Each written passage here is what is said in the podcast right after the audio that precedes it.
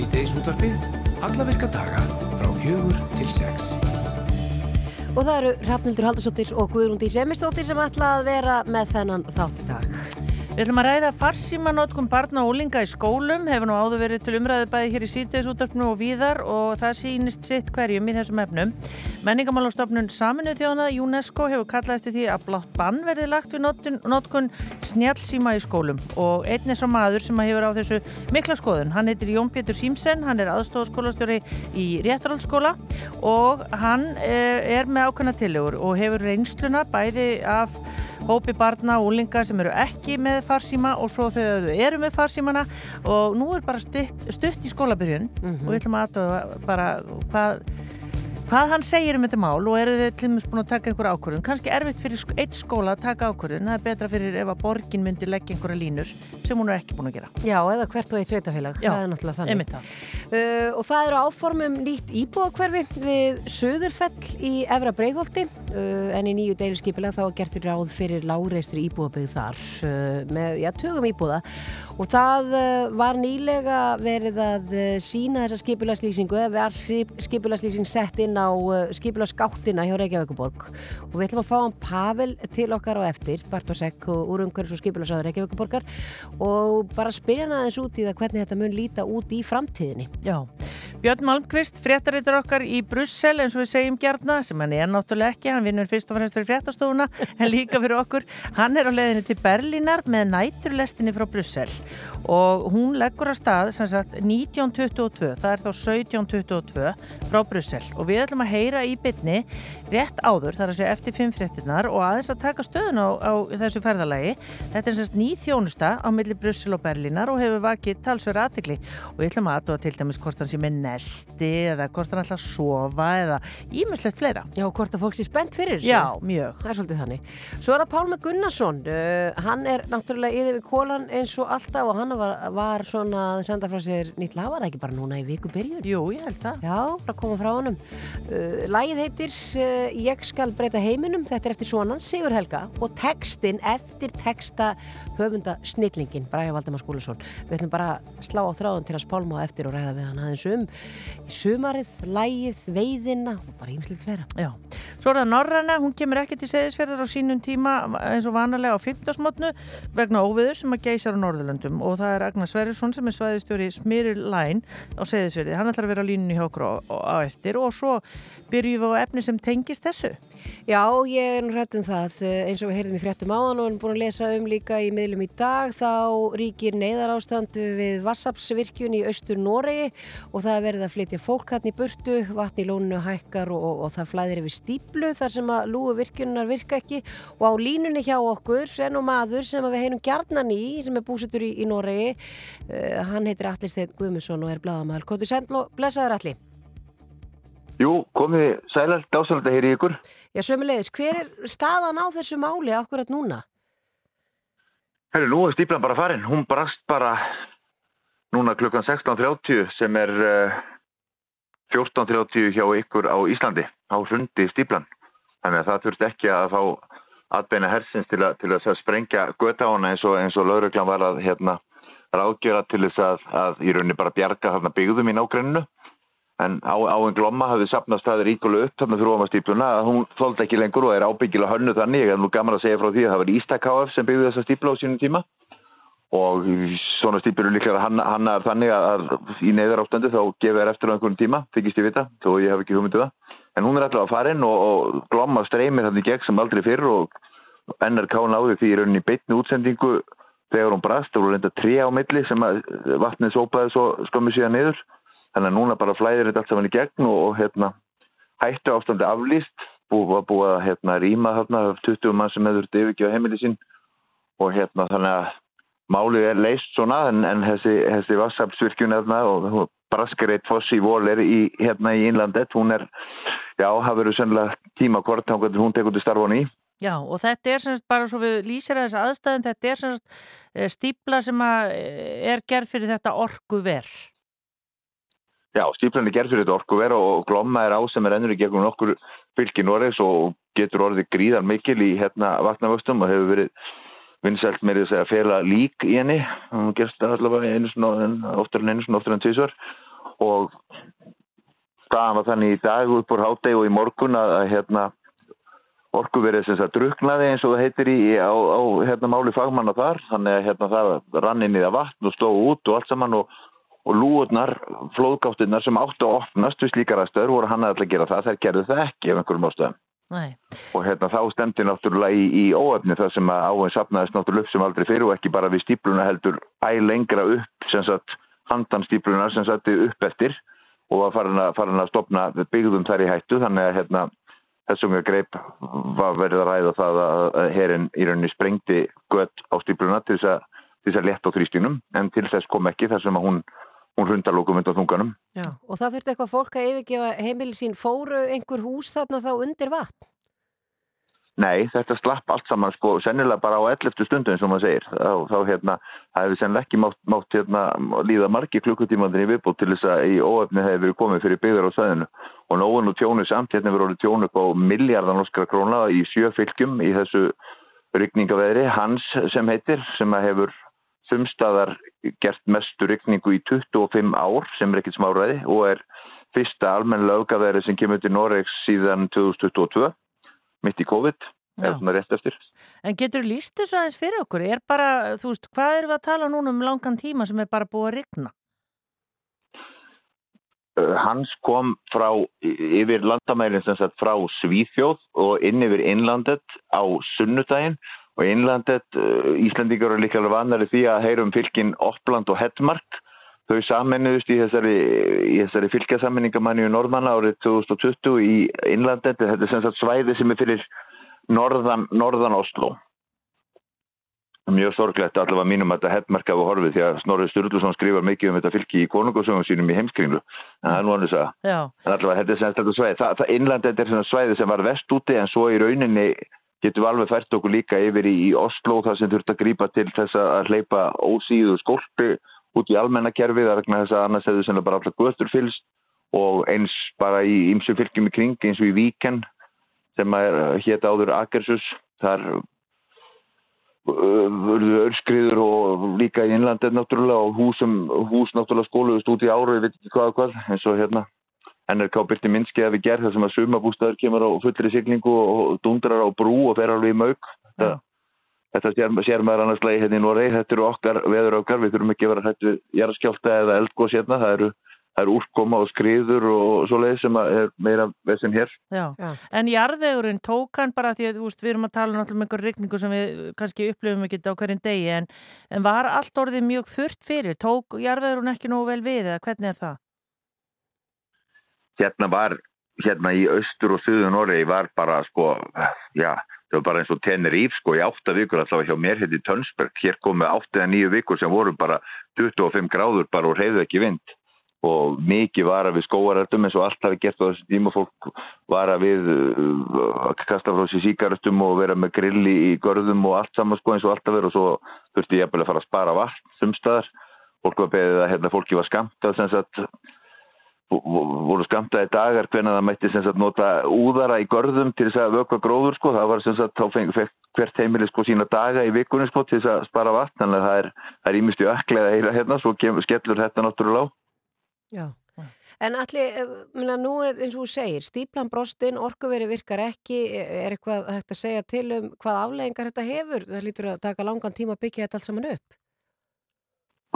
Þetta verður svakalegt verkefni að koma stíplunum upp aftur og hérna og já, koma orkuverðin í gang. Það er náttúrulega bara spurningum um að dæla út úr því og hérna gera vel uh, ramasmálefni þar sko en að koma stíplunum upp aftur verður náttúrulega heilmikið aðgerð. Og meðan munu eh, heimili sem að njóta og heimili og fyrirtæki sem að í rauninni nota ramagn frá þessari tilteknu orkuveitu þurfa að fá sitt ramagn annar stað frá.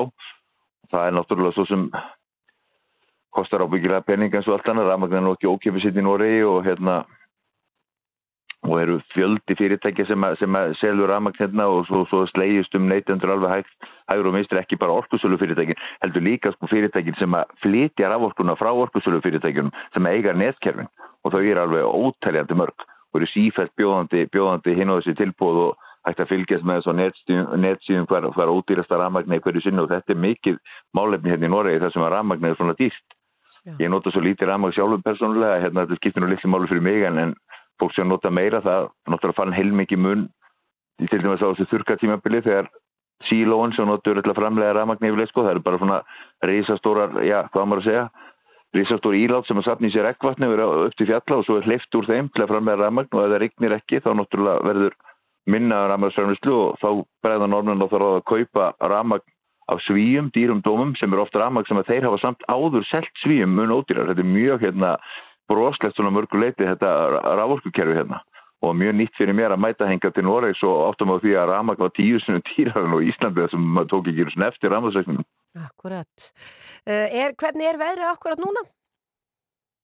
Hérna í Tönnsbergi á mér er svo sem, mann sjá, það er skíjað svo sem en ekki, reyður ekki vind og engin úrkoma, ég, hérna, mér finnst hálfa ósangjart og ég slappar ósalega vel, sko, hérna ringdi þetta mánudagin, ég skrap út í búðu og með reglíman og svona, og meðan aðri er náttúrulega bara áttu fótum fyrir og leina og lesta samgöngu stöðust, það þarf mjög mikið til þess, til dæmis að lestirna á milli Oslo og Gardemó stöðust, það gerist náttúrulega aldrei og alls ekki völdu við, þá þarf alveg gríðarlega miklu úrkoma.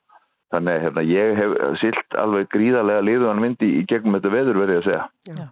Allir Steið Guðmundsson, Bladama, takk fyrir að vera á línu hjá okkur og við hugsum ég fallega til eh, íbúa í Nóri.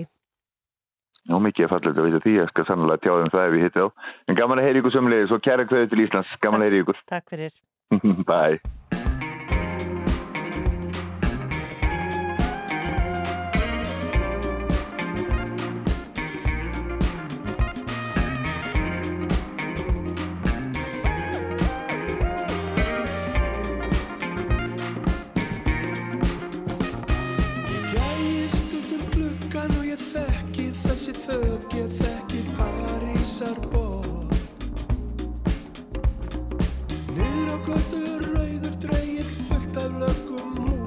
sem góðinn við sjá.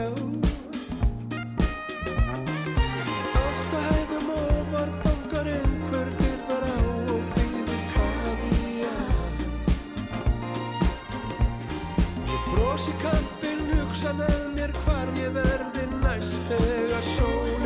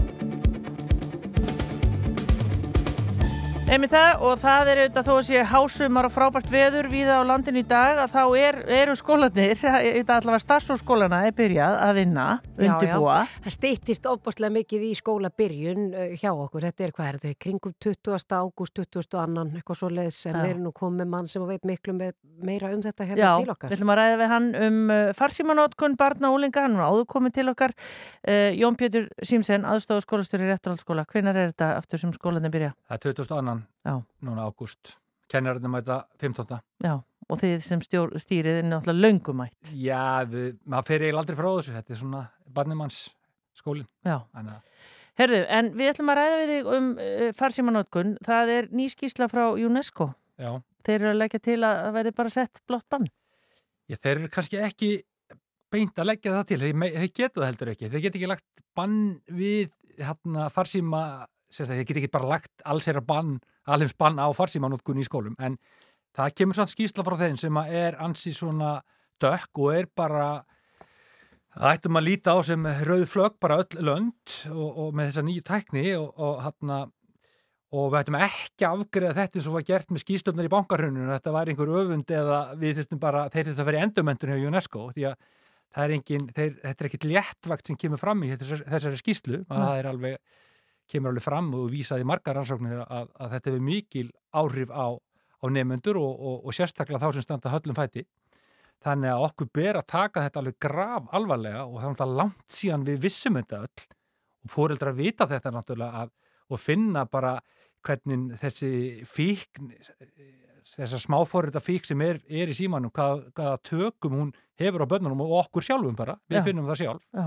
og þetta er það er núna fleir og fleiri ríki, fjörðarkvært ríki núna er búin að setja bann við, með farsímum, hérna, það kemur hérna fram hásettur innan UNESCO talar um það og frakkar er búin að banna þetta, hollendikar er búin að banna þetta fyrir næsta ár.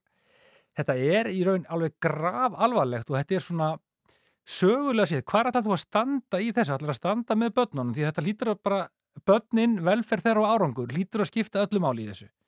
Og það kemur alveg skýrt fram í þessari skýslu og bara í því sem við vitum bara sem uppalendur og, og starfsfólk skóla að, að áreiti frá þessum tækjum og þessum öppum og smáfóröldu sem eru í símanum eru, það eru týjir skilabóða sem krakkarnir er að fá á hverju stundu. Já. En ég menna, eru krakkar ekki bara nógu mikið í símanum þegar þau eru ekki í skólanum og þau þurfi ekki að vera í símanum þegar þau eru í fríminótum og þegar þau ætti að vera að tengjast Já. öðrum og, læra mannleg samskipti? Ég er, þú ert fóröldri, ég heyri það og ég er, ég er fóröldri líka og ég er alveg vissum það að lang flesti fóröldrar taka undir þetta. Eh, fóröldrar á Íslandi vinna einna mest innan OSD þannig að krakkarnir eru leikalausum hala og þá er ofbosla stutt í það að þau fari í þessi smáfórið sem að geðlaknar og sálfræðingar bestu í heimi eru búin að vinna fyrir stórfyrirtæki því að börnin er náttúrulega söluvaran.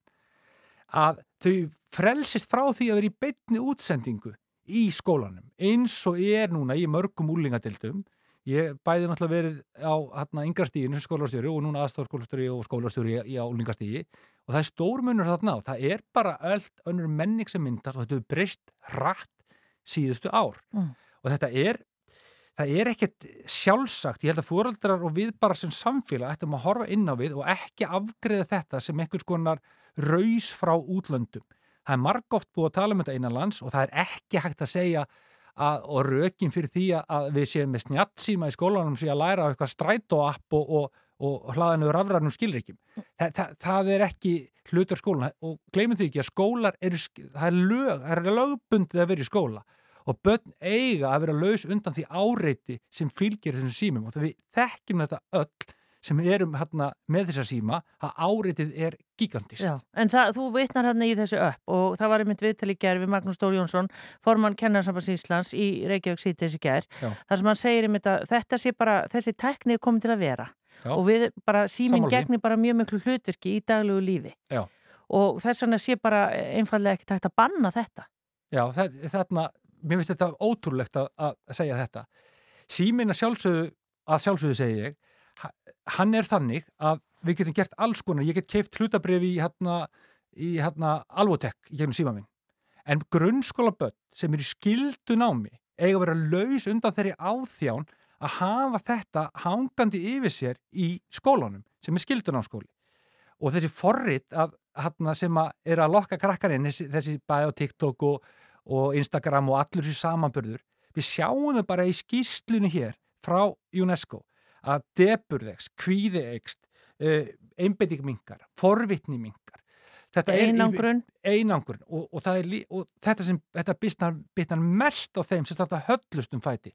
Þetta er ég sjálfur búin að tala um og búin að verða því miður vittnað í mörg ár að þeir sem starta höllustum fæti og er erfiðast með að takast á við áskorunar sem færi til skólanum þeir taka stundum auðvöldulegina og þá er símin ofbúslega góð rafræn snutta og það er líka kannski eitthvað sem er svona ákveðið tabú meðal, hérna, meðal skólamanna að það er volið þægilt kannski bara að senda bara jónpjötu sem er alltaf óþeikur, bara farið bara í síman Já. Já, og, en, hvernig, en hvernig er þetta gerlegt? Að því að við þurfum að, eins og þú segir, börnir eru með strætóappið í símanum og þau kannski fara í strætó til og frá skóla og annars lit uh, er, og hvernig er þetta í dag? Er, er megaðu komið sími í skólan þá að vera slögt á honum en megaðu þá kveikja á honum í fríminútum en eða væri hægt að gera þetta veginn þannig að símin er bara gemtur á einhverju stað Já, Þetta er alls konar í dag en til þetta virki vegna þess að sími, við getum ekki búið síma saman við þess að menn er að segja hvað þegar vídeo kom, þegar sjónvarpi kom þá voru menn með einhverjar hérna, svartagaldsraus um það.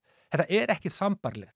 Þetta er algoritmi sem búið að reiknað út. Þú lendir í bergmálselli í símanum þú farð endalins endurgjöf á sem það, það sem þú hefur áhuga á að pumpast inn efni og skólinn verður bara óáhugaverður og að eiga félagslega samskipti verður óáhugaverð. Hversna eru við öftust á meirinn í félagslegum samskiptum í Evrópu, íslensk ungmenni? Ég er erðast með að finna að vinni. Það er að þau fari í síman Já, það er vegna þess að, eins og kom fram hjá Magnús í gær, að, að við erum með mesta símanótkun per börn í, já líklegast bara í heiminum. Og eru þetta ekki vísbendingur um það, eitthvað rauð flögg og við þurfum að gera eitthvað, ætla með bara að segja að við ætlum að kenna á þetta? Eigum við bara að kenna þá krökkunum að drekka eða reykja, þú veist, eigum, þetta er hættulegt, það er raunveruleg hætta sem fælst í þessu. Ég hef talað við fullt af krökkum, ég hef spurt þau hvað fannst ykkur um, hérna, hvað ykkur um símabann? Og þau segja öll, þau vil ekki símabann. En þegar maður fyrir að reykja um ganninnar þá er símin, hann er ekkert annað en hækja fyrir þá félagsli samskipti þau vilja leita í þessa, þessa einangur sem fælst í því auðvitað eru einstakar tilfelli til þar sem við þyrtum að nota símana til að rjúfa félagslega einangur en þá þurfum við bara að taka á því En áfram með hvernig ætlar að gera það? Það, það, þess vegna skilt svo ofbóðslega miklu máli að þessi samrænt að við tökum öll þátt í þessu, allt samfélagið. Þá tala ég um miðstýringu og eh, menn líti á þessu miðstýringu sem eitthvað ægilega hræðilegt fyrirbæri en miðstýring í þessu, við erum með aldrei takmark varandi það sem að kaupi, kaupi ríkinu, 20 ár og við erum með 17 ára hérna, að læra að kera bíl. Þetta er þetta er ekkit gaman mál. Við horfum á tölunar, deburð, kvíða, þunglindi, verri námsárangu, verri félagsfærni.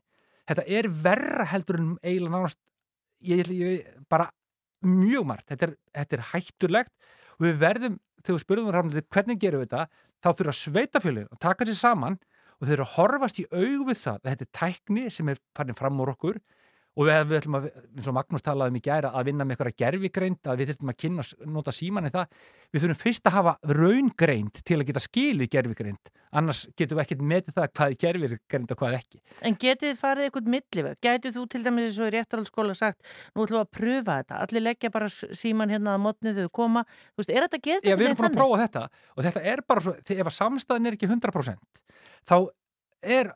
prófa þetta og þetta bara svo, ef að samstæðin ekki 100% þá þarna, robnar þetta mjög fljótt um leið og einn fordamið koma á einu stað, þá verður erfitt að eiga við þetta. Menna, er þetta ekki bara þannig eins og með alla úlinga, þetta er orðið ósangjart ef þetta næri ekki yfir alla?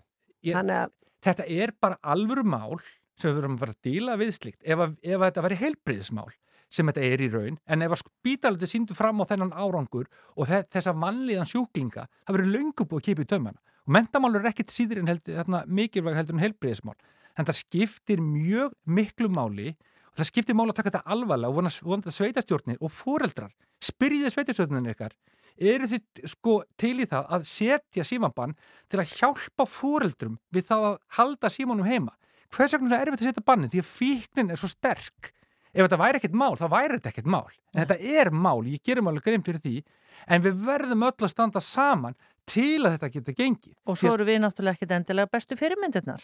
Nei, við erum hérna, nettengtasta þjóð í heimi mm -hmm. og við erum, og hérna geðheilsa ungmenna, við sjáum það bara hún er hriðvestan síðan 2010 mm. hvað breytist þá? Ertu Bjarsið Jón að, að þetta, já, það verði tekið á þessu máli og það verði einhvern veginn gerðar einhverja samræmdarreglur og eins og þú segir að sveitafílu takir sér saman og þetta verði allavega, já símin megi ekki vera kveikt á honum eða hvað sem er á skólatíma En símin náttúrulega bara, ég myndi vilja það sem ég sé í draumaheimi að krakkarnir gætu komið síman í skólan, það sem er skiljan eftir í hérna, hérna, ef þið þurfa að nota hann sem einhvers konar tæki í framvalda skóla. Já, til að færðast á milli eða nota debitkortið eða eitthvað? E, Það er síðan hérna sko, síðan er, kemur þau inn í skólan og þá myndum við auka líkur á félagslegum samskiptum og náttúrulega bæta námið, hætta þessar trublanir stöðu sem að hérna, Mýbrík og Símans veldur. En það er, það er lítill fámunur en ofsala hávar hópur sem búið að fjárfesta í eigin fagmennsku í þessu að bóða þennan bóðskap að þetta sé leiðin út úr því að einhvern veginn að kunna eitthvað og geta eitthvað að lífa okkar byggja á þessari tækni. Og þessi hópur heldur svolítið mentasamfélagin í heljar grepum að meðan foreldrar bara svona þegar ég held að flestir foreldrar þegar þeir heyri minnuna eru sammálið sem ég er að segja. En þau einhvern veginn finnst þeim bara að vera ein lítur rött, ég bara hvet foreldrar til að láta í sér heyra það er svona fámenn klíka sem heldur svona að mínum mati þessi samfélag svolítið í heljagripum og rýsa allir upp afturlappina, búin að fjárfesta í einn fagmennsku í þessu, búin að keira á þessu tallir lengi og ef allt í hennu símandin eru bannaður og það er allt í hennu einhvern, ef þetta sé allt svona gott og heilat eins og þeirra var að tala um þá er þeirra einhvern veginn sjálfsmynd og fagmennska ákveðlendi fallin og þess vegna er líka svona mótstafa innan samband innan, hjá, hjá kennurna Mm. Þannig að þú ert að meina sko bara blíjendurinn og blaðið? Ég blíjendurinn og blaðið að læra þannig og taka glósur bein kennsla er belsta kennslaðaferinn en auðvitað ég er ekki að tala með við útilokum hérna tækning frá skólum. Eða allir skólar hafa aðganga krómbókum eða iPodum einhvers líku og hérna ef menn þurfa að hlusta á hljóðbækur þú veist það er ekkert mál að nota það. Ekki, en bláð og blíjandur það, það er gott og endutekning læra hlutina, hvernig lærum við tónlist? Hvernig lærum við íþróttir, það er með endutekningu endutekningu og svo lærum við það. Sama er með greint, þannig byggjast upp taugatengsli í heilanum, raunverulega. Þau byggjast ekki på því við fyrum bara að gera eitthvað og eitthvað. Öll þekking, ef hún verður til með einhvers konar grunni, hún verður ekki til í tómarúmi. Já, þú þess að stinga upp á því að þau séu símalösi svona 6-7 tíma á dag, þetta er ekkert miklu meira það. Nei, og, og ég held að fóreldrar myndu fagna því ef að skólinn tæki og sveitastjórnir, þetta þarf alveg að gerast miðurlegt, að því að það er svo erfitt fyrir okkur í skólanum að gera þetta, við erum bara svona litlir hermenn bara einir út af júðellum ef við gerum þetta svona stök. Ef það kemur miðurlegt, ég veit að ég er ekki á eitthvað, að pæli þessu, ég bara skora á hana að stíga þetta skref en það þarf að fylgja með einhver, eitthvað til að geima símana og, og svona planum hvernig við að gera þetta og kynna þetta vel fyrir fólk. Og svo mætti náttúrulega bara líka prófa þetta í ákveðin tíma, sjá hvernig það kemur út. Já, sko við, við prófum með Bréttó og það, þarna, það gekk ekki nógu vel því að það, vor, það var ekki nógu mikið samstað meðal fóreldra og eða meðal samfélagsins alls. Krakkarnir vilja þetta ekki en vilja þetta.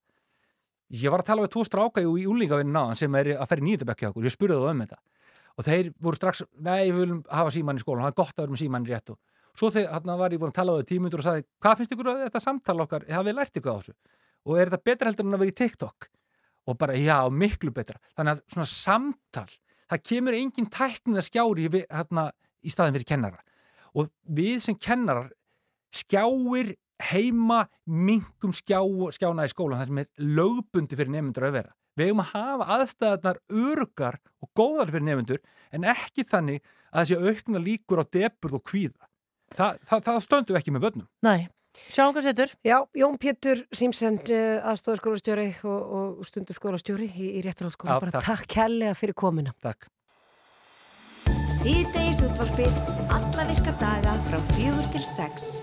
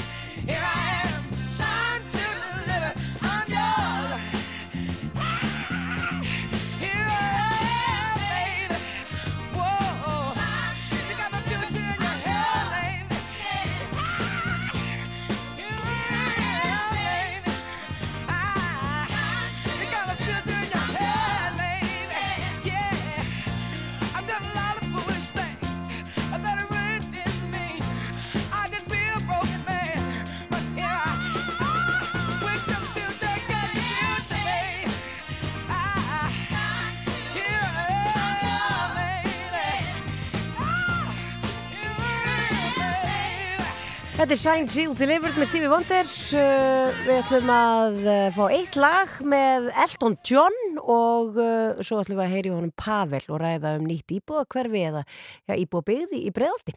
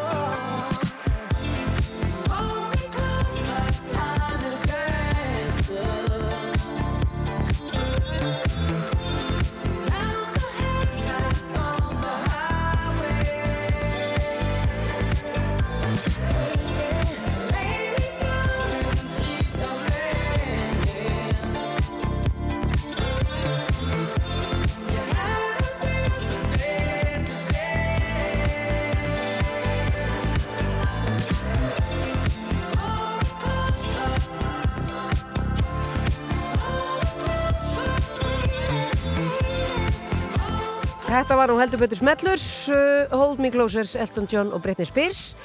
En það eru áform um nýtt íbúðakverfi við Suðufell í Efra Breiðholti en í nýju deiliskeipilagi er gert ráð fyrir láreistri íbúðabygð með uh, já, 50 til 75 íbúðum.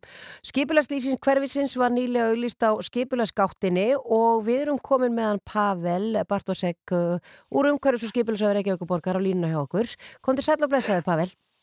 Komið sæl. Uh, getur þú aðeins líst þessu fyrir okkur sem að uh, fyrirhugað er þarna í Efra Breiðaldi?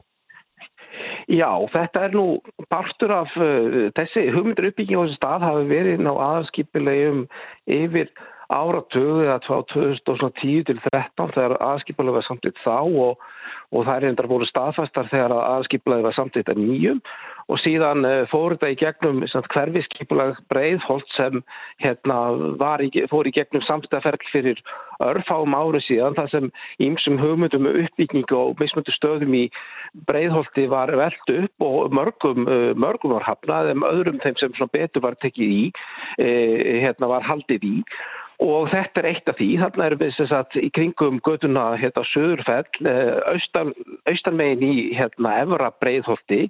Og það er fyrir það að e, áf, eru átti áformum að byggja svona eins til tekja hæða láreista byggð, þetta er þá mest megnis sérbíli, einbílushús tíbili og, og, og rathús. Og ef það er fólk að reyna að gera sér hugalund hvernig hver þetta er þá er þetta stjætleggi kannski ávið þá neður út af fosfóksins eða hérna stekkjana þetta er svona, sáþjætleggi þetta er svona frekar, frekar dreif gísin sérbílus þess að byggja Já, og hvað myndi þetta ná yfir stórt svæði? Sko svæði sem er hérna undir í þessu er um fjóra hektara svæði sem er, eh, sem er inn á aðalskipulagi, það sem er hérna gert ráð fyrir möguleg uppbyggingu og það er ekkit kannski vísta hér byggða svæði náði yfir þetta allt saman en þetta er alltaf svæði sem er undir í, í deilisskipulas lýsingunni. Þegar að lýsingin er, er, er hérna komin í, í er, er auglýst og þegar aðtöðsandar hafa bólist við það þá tekum við næsta skref sem er að vinna úr þeim og þá er kjölfarðið vantarlega búa til deilisskipulega þar sem þessi þessir hlutir e, skýrast nánar, þá verður ljósarlega skýfum hvað mörg hús við erum að tala um og, og hérna hvernig gatnakjöru verður og, og svo framvegis, en við höfum þetta skilning á því að þetta er þarna, þetta í, í grend við vissant útöðislega svæði, þannig að það er, þarf þetta huga vel að því að, að tengja það við þetta nýja hverði og passa upp á hérna græna ásýndis. Já, er þetta ekki innmitt svo stærða húsum sem ofti talaðum að vandi inn í þá, þann byggingarstíl sem að verið að byggja út um allt? Já, það, við, við höfum stund, stundum okkur leiða hálsi að vera ekki að bjóða upp á e, já, kannski þessa stærð að nælu mjög magni. Það hefur auðvitað verið þannig gegnum tíðina hefur náttúrulega 80% af því, ef ekki meira sem byggt hefur Reykjavík verið í fjölbíli, það sé að langflesti reykingar búa í fjölbíli, en það er einhver síðan að þetta tryggja kannski ákveðna fjölbreytni og hérna ekki síst í, í hverfum breyðhóls. Þannig að við erum í núna ekki um hverskjum breyðhóls að byggja á nokkru stöðum. Við erum að, með fyrir uppbyggingu að söðumjót og mjótin sjálf er undir Arnabakkin og fleiri staðir og, og þetta er kannski, en það, á flestum sem stöðum eru þetta mestar högstum fjölbíli en þarna getur að vera möguleiki að bæta við nokkrum sérbjústöðs og lóðum. Já, er þetta dýr, dýra lóðir fyrir fólk að kaupa til að fara að byggja á?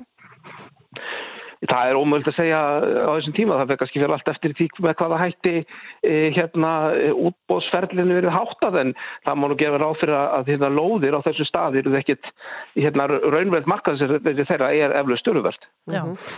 Hva, hvað er máli start núna, Pavel? Sko málið er start með þeim hætti að, að hérna, við erum með deiliskypulega auðlýsingu í gangi og hérna, e, það er hérna, ef að fólk vil hafa aðdöðsendir við þessi áform eða koma með ábendingar um eitthvað sem hætti betur fara þá er frestundi þess rennur í næstu viku. Þannig ég vil bara endilega kretja fólk að kynna sér tilöðunar á heimheimsið Reykjavík-borgar og senda sér til á skipulagt að reykjavík.is um, en það er kannski svona gaman bara fyrir að segja þess að, að, að stundum er fólk velta til þess hvort það sko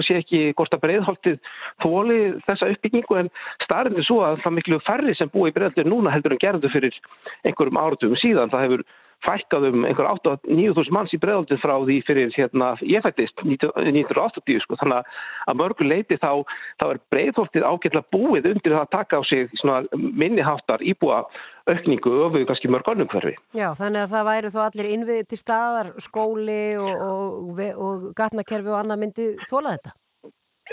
Innviðnir eru til staðar eins og segi í breiðaltinu það byggur þar flestir voru um það byrj eh, 30.000 íbúar og þeir eru komnið niður í svona 21-22.000 þannig að skólakerfi og innverðin eru byggðir fyrir svona hluti og, hérna, og auðvitað er það eitt af því sem gerir góð, góð hverfi betri ef það er bara nóga fólki þá er fleiri á hérna, íþórtarleikonginum þá eru fleiri börn að æfa þá eru fleiri í búðin og búðin vinnum með þannig að það er, það er mikið með því að vinna að hérna, finna pláss fyrir fleiri hérna, reykjingar til að búa og ekki síðan stafna. Já og Pavel það er bara að fara inn á reykjavík.is og finna allar upplýsingar og ef maður hefur einhverja aðtóðasemdir.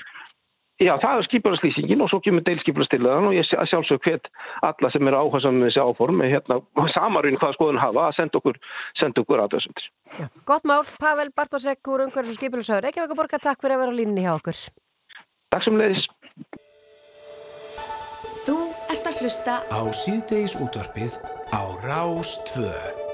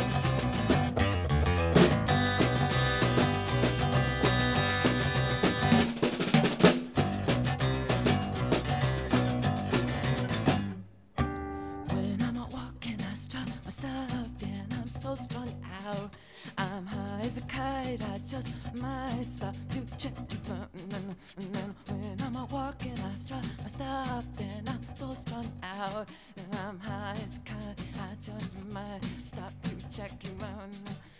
Body and beats, I stain my sheets. I don't even know why. My girlfriend, she's at the end. She is starting to cry when I'm walking. Stop, stop, and I'm so strung out. I'm high as a kite. I just might stop to check you out. Let me go on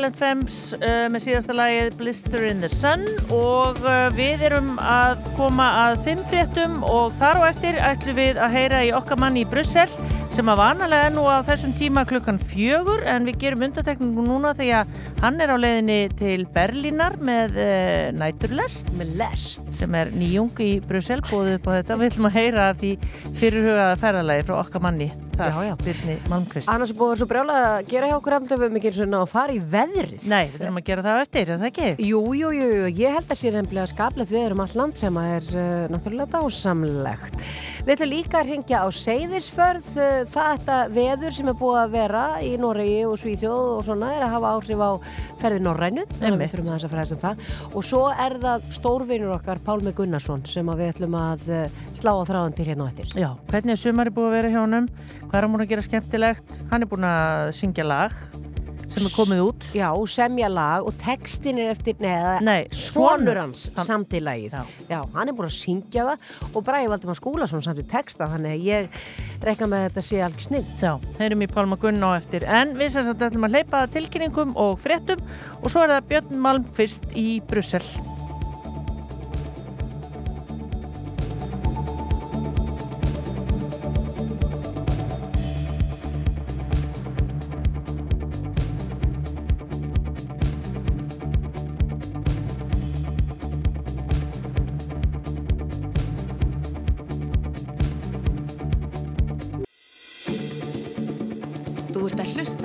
Síðdeis útvarpið á Rástvö. Já, við segjum bara áfram gakk því að við mögum engan tíma að missa því okkar maður í Brussel, uh, Björn Malmqvist, lestinn hans leggur á stað eftir eh, tæpar 19 mínútur. Kontur sæl og blessaður. Já, komið þið sæl hérna frá Brussel. er ekki rétt hjá mér? var einmitt að renna hérna, jú, það er uh, 1922 að staðatíma, Já. 522 að íslenskum tíma. Lestin var að renna hérna inn, á, inn á stöðina. Ég er bara er að labba hérna á brötapallinum meðfram lestinni, ég er að leita mér að, að hérna, mínum uh, vagni sem er nummer 12 og þar ætla ég að fara um borð og, og koma mér fyrir í hérna, hvað heitir það? Klefa, kabinu, lestarklefanum. Euh, numéro 12, s'il vous plaît. 12, c'est encore par là. Si c'est 2 et 3, Ouais, et ça enchaîne. ok, merci.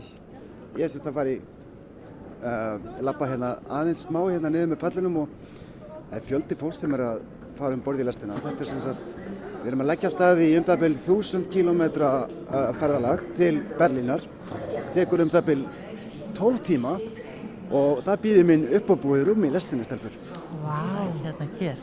E, það er talsverð spenna fyrir þessu. Er þetta, er þetta sem sagt glænýtt? Er þetta algjör nýjum? Já, já sko, nætulestir eru náttúrulega ekki Nei. í Európu.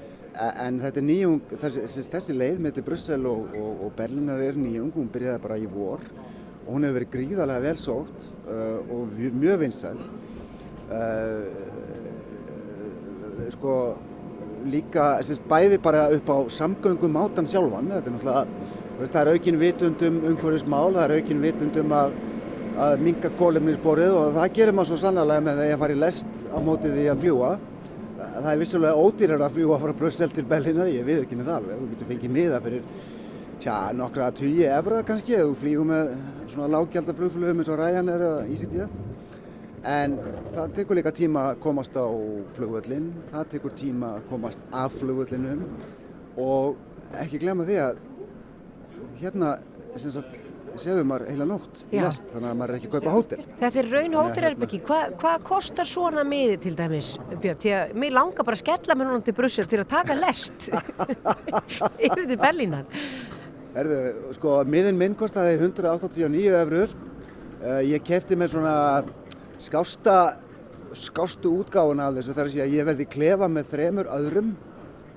Uh, þú getur keft með það sem eru miklu ódýrari, ég man ekki hvað þið kosta en þá ertu líka bara í sæti alla nóttina sko og ég kannski orðin aðeins svo gamall til að gera það. Já.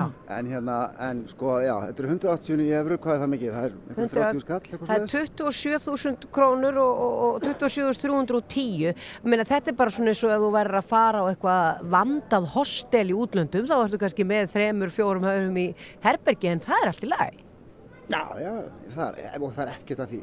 Nei. Og ég meina við rennum í hlað klukkan, á- klukkan kortur í átta á, á Berlín Hauptbahnhof e, í miðborg Berlínar og þú veist, ég þarf ekki að fara að, hérna, að vesenast með því að- komast sko út á, hérna, út á Brandenburgarflugvelli nummer 12.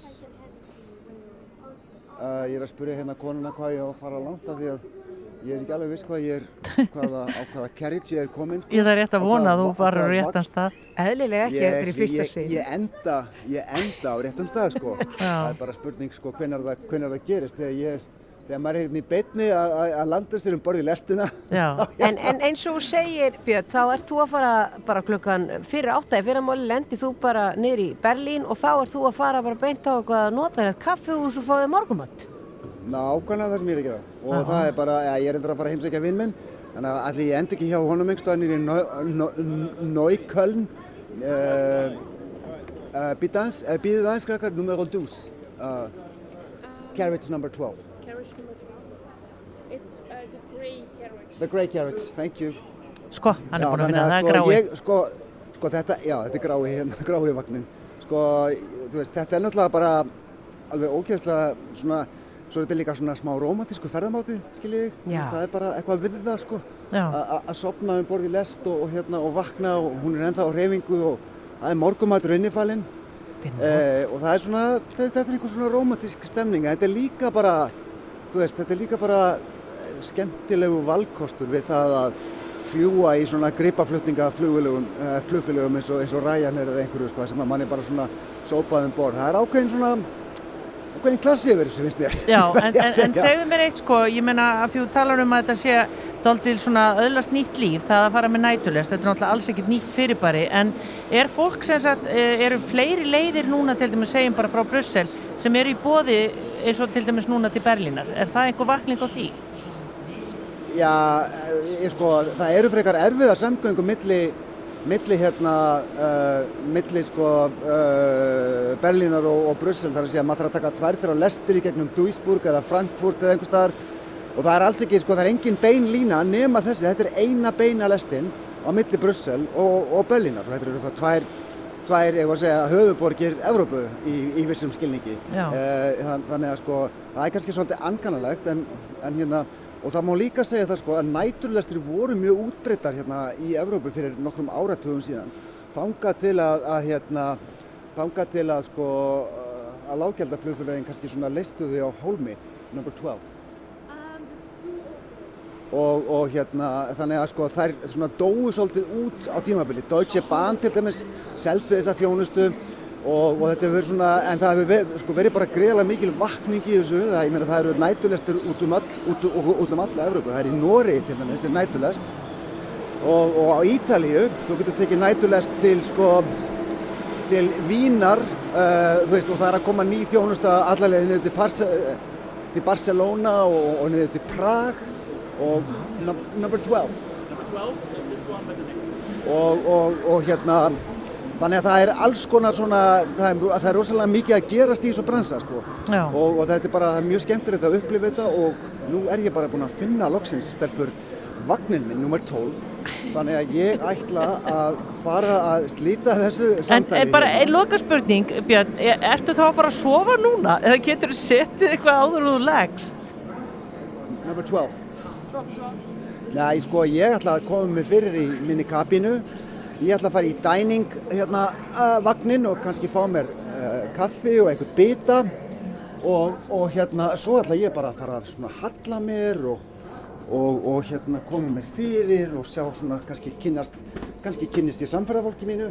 Þetta er dális. er spennandi. Ó, Vá. þetta er Og æðislegt. hérna, svo förum við bara að sofa og, og vöknum bara klukkan, hvað veit ég, sex eða eitthvað, fáum morgumat og mætum bara fesk út í daginn í Berlín. Ó, Og þetta verður alveg ógeðslega gaman, held ég. Ég skal segja ykkur frá þessu. Ég skal segja ykkur hvernig þetta var þegar ég heyri ykkur næst. Já, við segjum bara góða ferð Björn Malmqvist og bara gangið vel að sopna, ertu ekki með eyrnatappa? Jú, jú. Jú, jú, jú, jú. Ég held að lestin svæfi mig líka, sko. Já, það er notalega hljóð í henni. Njóttu þín. Já. Takk ekki alveg fyrir. Takk fyrir þetta, já, bless, bless. Bless, bless. Maður mann nú hérna árum áður á námsárunum, það fór maður stundum í nætulest, þetta var nú ekki sérstaklega romantíst. Maður áttur náttúrulega ynga pening og kefti alltaf ódýrasta. Já. Það voru kannski uh, sex eða átta manns í klefanum svovandi. Ég held ég hef aldrei farið í Er það ekki? nætturist. Nei, maður, eh, kannski eins og segi, eins og Björn er að segja, þetta dóaði eins út, minguð aðeins, þessar Já, lestir. Já, Þannig, en, en það er kósi að fara í lest. vá, ég hálf bara, ég ekki að ljóta að segja að maður er öfundi einhvern en ég gerði það. Ég bara- gerði það líka, ég pælti að vakna bara í Berlín í fyrir, Gegn. búin að sofa áslega vel og ó, það er gott að borða. Þú ert að hlusta Á síðdeis útvarpið á Rás 2.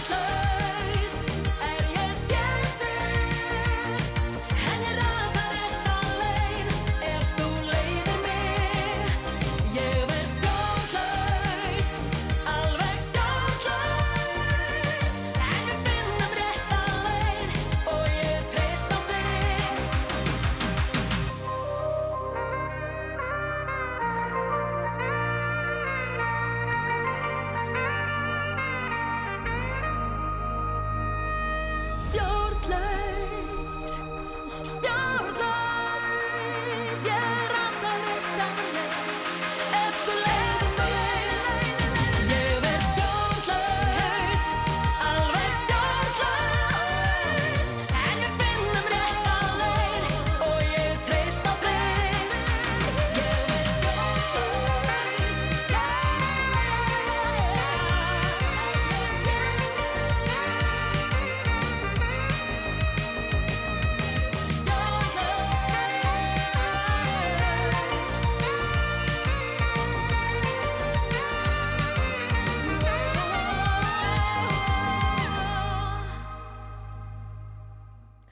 Það held ég nú, okkur komið aðeins óvart hérna núna Gunna. Já, uh, þetta, en þetta var alltaf stjórnlaus þetta hjá okkur okkur núna eins og stjórnin var að syngja upp. Við vorum búin að lofa hlustundu því að við ætlum að slá þráðan til Palma Gunnarsson og við vorum Á Akureyri. á Akureyri fyrir norðan og vorum að því er þá bara byrtist þessi elska hinga til okkar í, í hljóðver og við erum afskaplega ánægð með það. Kontur sætla og blessaði Palma. Hæ, hæ, glata að vera að nota síman í svona. Já, það er nefnilega alltaf. En sko, nú hugsaum við það er svona hásumar, þannig að það, sko, það er neyð, við neyðumst til þess að nota síma svolítið, fólk er náttúrulega ennþá bara út um allt. Já, já, skiljaðlega. En Pálmi, af hverju voru við búin að ákveða það að þú byggir á Akureyri, þú ert löngu fluttur þaðan eða hvað? Já, sko, jú, jú, það er náttúrulega bara, ég, ég er svo sem ekki að auðlýsa því ég flytt. Nei. Nei, nei, ekkit frekar en nokkur annar en fólk er ekkit að segja það. Ég, hérna, jú, jú, ég, við fluttum fyrir dátur síðan, einu og hálfu ára síðan, eitthvað svo Já. Og bara svona sí svona ekkur ár Já, það var nú stónum tilrenda hjá okkur að flytja okkur og sett krakkarnir konu hérna, söður og allt þetta, þetta, þetta, þú veist, eðlilega sem að to- toga mann kannski svolítið að stað, sko. Barnabötnin og svona. En svo bara, eh, já, svo var eh, staðan þannig að Anna getur sint starfinu sína að hluta til heima frá og við bara ákvaðum að stökka á fallegt hús sem við fundum upp í laugarási. Já, í biskustungu. Já, og bara í sveitina. Já, ert þú bóndi? Já, já, já, nei. Tól, er mei, eitthvað meira en tónlistabóndi? Já, sko, ég er farin að slá flötina hjá mér og, ég er farin að hugsa eplatrjám í einu hotninu og hvernig sem það verður og planta trjám og svona. En þetta er dásanlegu staður, ég var nú sveitanir rétt hjá, sko, laugar á sér biskustungu, það vex bara allt þar. Það er indislegt, það er alveg Já. dásamlega að vera þarna. Við erum bara, okkur liðið mjög vel þarna og þetta er bara geggjað í Já. Og þú getur náttúrulega verið hvar sem er. Já, já, ég bara, þú veist, já, ég bara skiptir engum máli. Nei, Þú syngur hvar sem er og veiðir hvar sem er. vinn hvar sem er og Já. bara gera það sem ég sýnist. Já. En er ekki innblástur að vera svona þarna í náttúrunni? Jú, vissulega sko, það er náttúrulega það er mikið rólega þetta nákvæmlum og og ég hérna gleymi ekki því ég sá þetta fyrstu nætunar, þá voru, voru, voru við ekki komið húsgögn og ég var á tónleikunir í Eldborg og kom döðþreyttur östur í Laugarhás í fyrsta skipti þegar þess að ég, þetta, ég, ég bara sendi stelpunna mínar í að skoða húsi sko. Og svo þegar þessu það væri gott þá var það flott bara í þannig ég kem að því fyrsta skipti og það var bara eh, eitt betti og svona og ég, þetta var æðislegt og, en ég ætla aldrei að geta sopnað að það voru hljóðin sem vantaði sko. ég vantaði umferðar gníin á hotninni í Stórholtinu og Akureyri og, og ég beið bara einlega svona krafsandi í, sko, í, hérna, í rú- rúmi sko, eftir fyrsta bílhljóðinu Já. Það kom bara ekki neitt Nei, Þannig að, bara fuglar og... já, og nú er þetta náttúrulega bara dásalegt Já, já, já. Maður þarf að venjast öllu, það er svolítið þannig. já, já, þetta er geggja Já. En er sömarið þá búið að fara meira og minna í þetta eða hvað? Nei, nei, nei, við fluttum, það er það langt síðan við fluttum. Já, já. Þannig að Við bara búin að koma okkur fyrir þarna og við erum búin að fara vera á Fl- Flandri, við fórum að, tókum tónleikaferði í voru, fórum að sjá Peter Gabriel sem var náttúrulega búið að vera daldi, daldi hérna, áhuga mál hjá mér að komast á tónleika með honum ára niður allur. Já, hvar voru þeir? Þeir voru í Kaupmannöfn, Já. það var alveg gjössanlega geðvegt. Já. Svo erum við búin að vera bara að flakka og ég er náttúrulega, er núna, nú er ve- veiðivertíðin að byrja hjá mér. Já, þú ert svona haust. Nákvæmlega núna bara þegar ég fer frá okkur. Já. Síðis, ertu svona síðsumars veiðmaður? Já, ég fer til vopna, á okkar indislega vopnafjörð. Já, já, okkar heimabær, Okkar það er bara þannig, sko. Það er allir að vera daldum tíma. Já. Og bæði í ágúst og september. En átnar hérna mitt á þessum, þessumst á Suðurlandi, ertu eitthvað kunnugur þar? frekar eða- Mm, Nei, ekkert mikið. Ég fer endar alltaf veistur á kirkjubæðklustur í sjóbyrtisveið á haustin og Nei, ég, ég, það er svo skríti, ég er ekkert búin að vera að veiða neitt þarna fyrir austan og samt rennur á hann, sko, ég horfi, liggu við honni ána, sko. Já, bara út úr stóðklukkan. Já. Já. En, en það er eitthvað bara, ég, ég er bara búin að vera í einhverju sen ástandi þarna. Er maður ekki svolítið vanafastur í þessu? Nú er ég ekki veiði, kona, Nei. en er maður ekki svolítið einmitt vanafastur, maður vill fara svona svolítið á sömu staðin og Jú, jú, fara svolítið heim? auðvitað, auðvitað náttúrulega bara er þetta eins og margt annað maður, bara, bara á uppáhaldssæði og uppáhalds á og vopnafjörður er náttúrulega á mér, er, er mjög sterkur í og rótin mín er mjög ster, sterkarna fyrir austan, sko.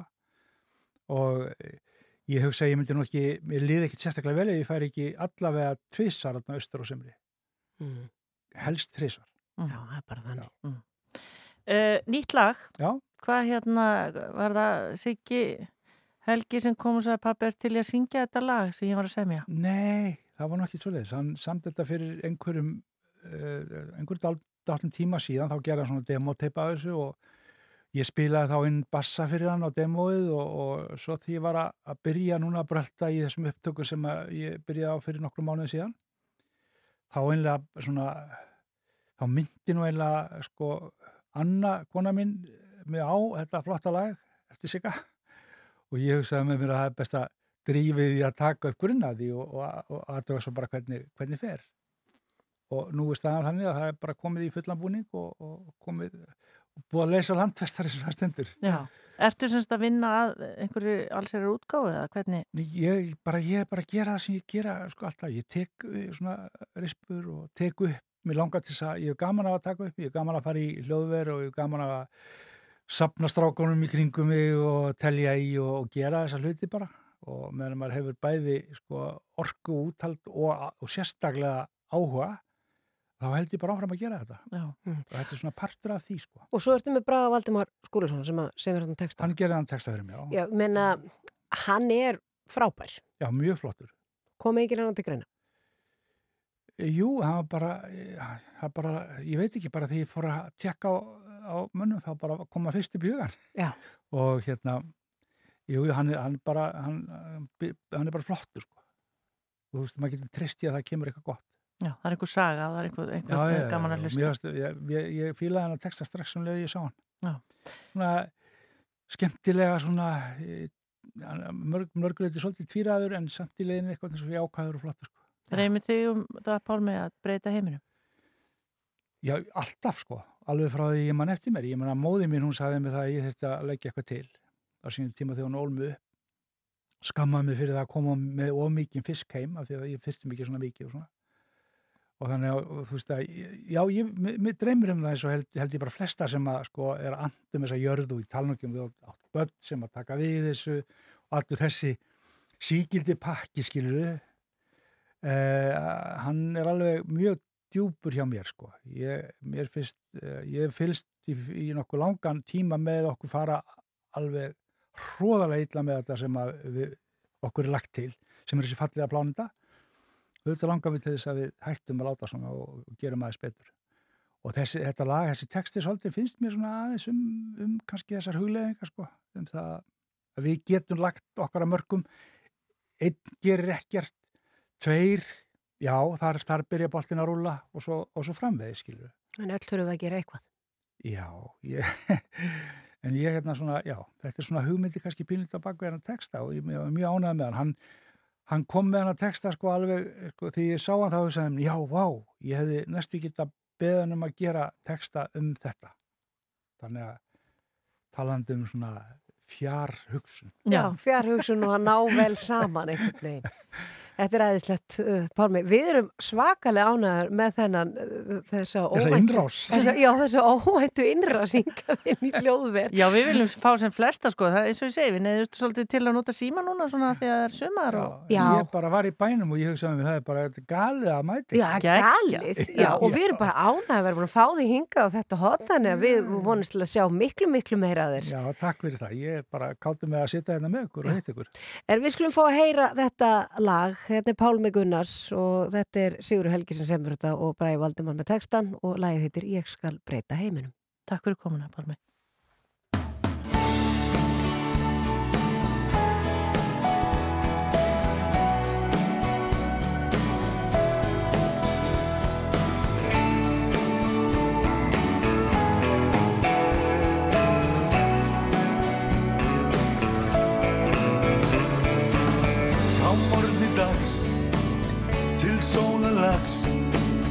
Ég sýr alla hæstu tinda. Um mókulönd að eisturönd Brýst gegnum móku sjó og vinda. En heimurinn er aðeins tálsinn ástar meina Svo langt sem hann nær um hálsinn þinn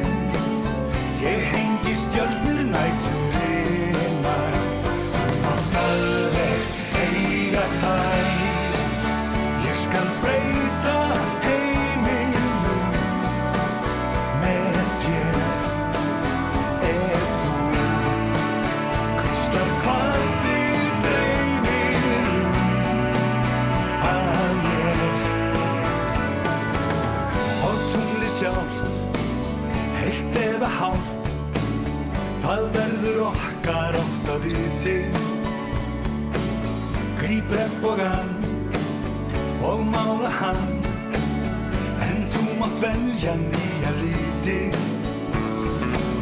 Brátt sólinn sest þar sem hún er vön að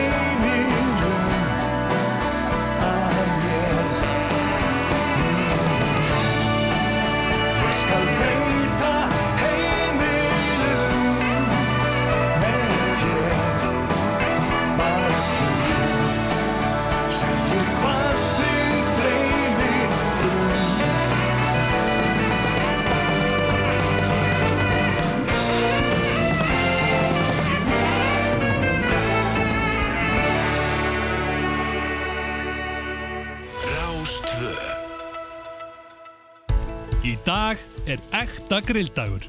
Grillum kalkunalæri í sumar frá íslenskum bændum sem við þekkjum og treystum. Ísfugl. Ekki má gleima meðlætinu en grillmaturinn elskar þykvabæjar Sallutin, mæisin og bökunar kartebluna aðeins 15 mínútur á grillinu. Þykvabæjar Grillaðu með okkur í kvöld. Sjálfvirkur opnunarbúnaður og snertilösi róvar frá GESE, Járn og Gler skútúi, járngler.is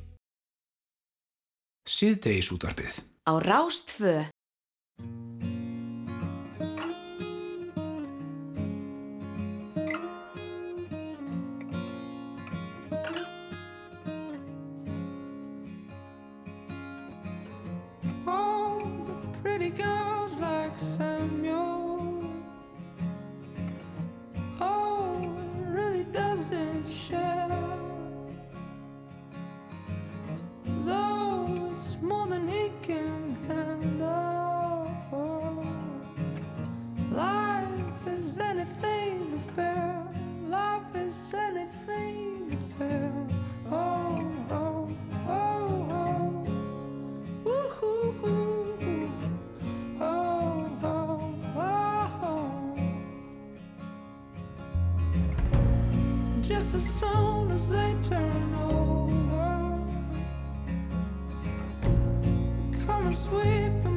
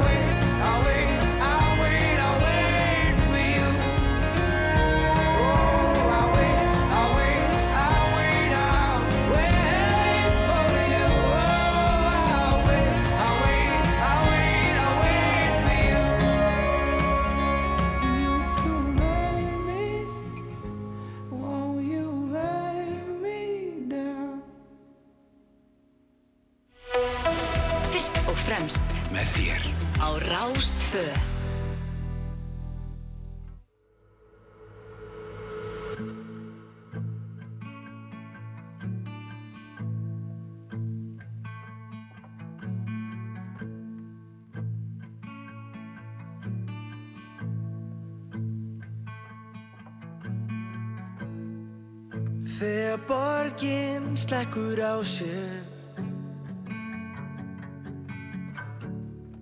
Á finn ég losnum þessa debur Ég veit ekkert hvað amar að mér. Get í því gerð Ég er þannig að Guði gerð Ég er ekki eins og fólk er flest. Nei, ég hef aðra sín og fegur. Ég hef alltaf verið tossi úr skóla lífsins. Get í því gerð Ég er þannig af Guði gerð En kunnum allavega að hafa gaman. Eiginlega líf okkar og hlægjum síðan yfir þessu saman. En kunnum allavega að hafa gaman. Eiginlega líf okkar og grátum síðan yfir þessu saman. Ég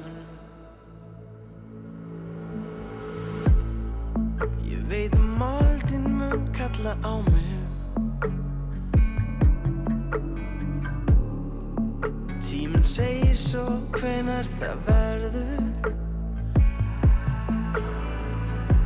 En ég finn þessar hugsanir herja á mig. Get í því gerð Ég er það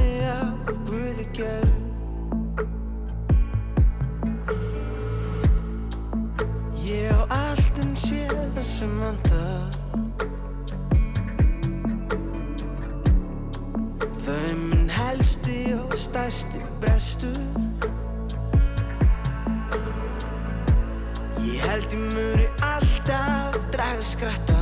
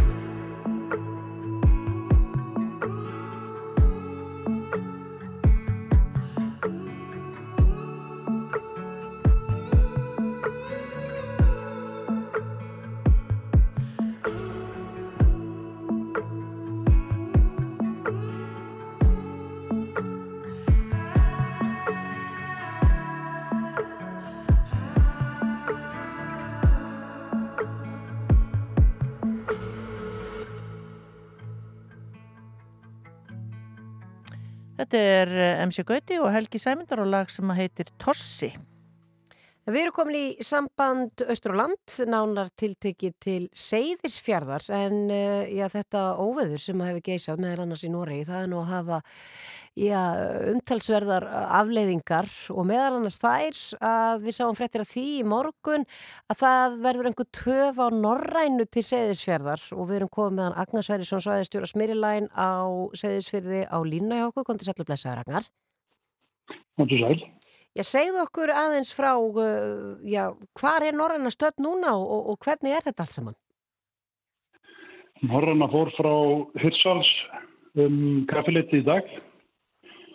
Hefði átt að fara þaðan hótti í gær. Hún var búin liggja í vari bara við Noreg. Og nú stefnum við stefna sett á fariðar og svo bara beint á Seyðisverð. Já. stend á að vera þar um hádegi á föstudag. Já, þannig að þetta er uh, þá rúmlega sólarhing senkun.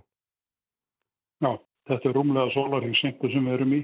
Já. og þetta er mjög óvennilegt að sjá þetta á þessum ástíma. Það er að sjá lægvið millir Noregs og Danmörkur eða söður af Noregi með, með næri 40 metra vindi er, er mjög sérstakt á þessum tíma ásvæktir orðatekið. Já, akkur, það var einmitt spurningi sem ég ætlaði að spyrja þig næst. Það var þetta með það, að þetta er nú valla algengt.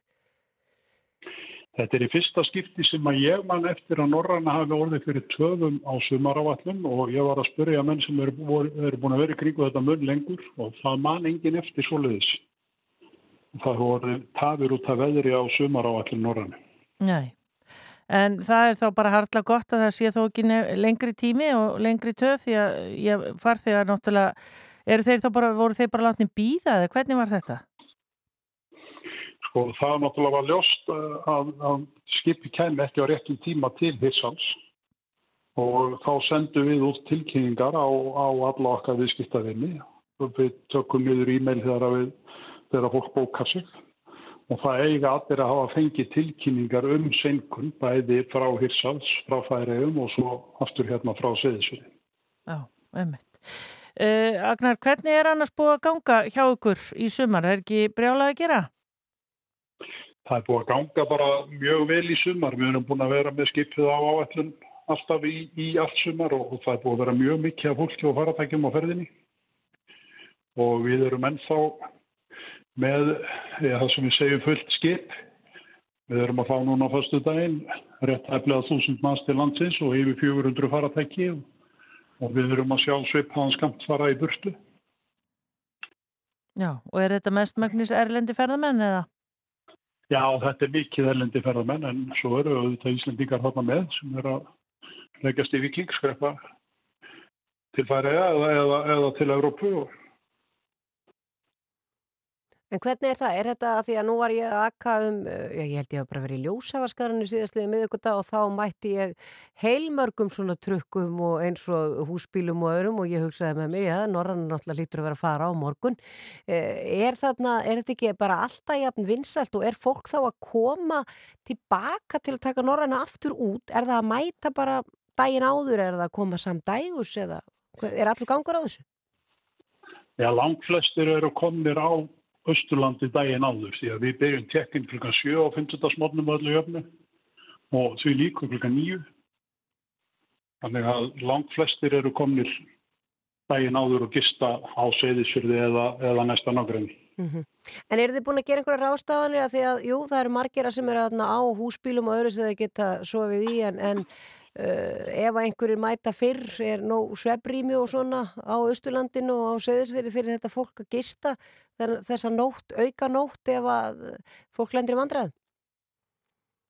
Það verða öruglega vandræði með það því að, að þúsund manns að fara uh, einhverjir á húsbílum, einhverjir í tjaldi en, en ég er ekki að sjá í hendi mér að gistirými sé alveg í næsta nágrenni fyrir þennan fjölda. Nei, að þetta er bara allt saman uppbókað. Já, Já. Það er svo sem hægt að gista alveg norður á Akureyri, það er, það er svo sem ekki nema tryggja á hálfstíma ekstur en þá þurfum við bara að vakna snemma. Akkurat. Er búið að gera einhverjar, já svona bara ráðstafanir um að, já, mögulega þá opna skólan eða eitthvað svona ef að, ef að allt fer á vestaveg? Það er ekki búið að gera ráðstafanir með það, en ég er svona, ég er búin að leiða hugan að því hvort það verði þörf á því Mm -hmm. Og þetta, þetta er nú eiginlega þannig aðstæður að það er eiginlega verið svolítið að ég bara spila fingur fram að það er bara að sjá, sjá hvað er að gerast og, og það er náttúrulega búið að senda út þessa tilkynningu. Og hann senda út í gær þannig að vonandi eru sem flesti búin að ná að gera ráðstafanir. Og við gerum að sjálfsögðu allt sem við mögulega getum til þess að aðstofa fólk með það. En þá þetta eru ljóst, Norræna kemur um hátegi á förstu dag og fer þá hvenar frá landinu? Tveim tímum setna. Tveimur tímur setna, það er ekkit annað. Uh, Agnes Verðarsson, svæðistjóri Smyrilæn á Seyðisfyrði, takk fyrir að vera á línu hjá okkur og, og við fylgist með þessu og vonandi bara gengur þetta allt saman óskaplega vel. Takk að það kella fyrir.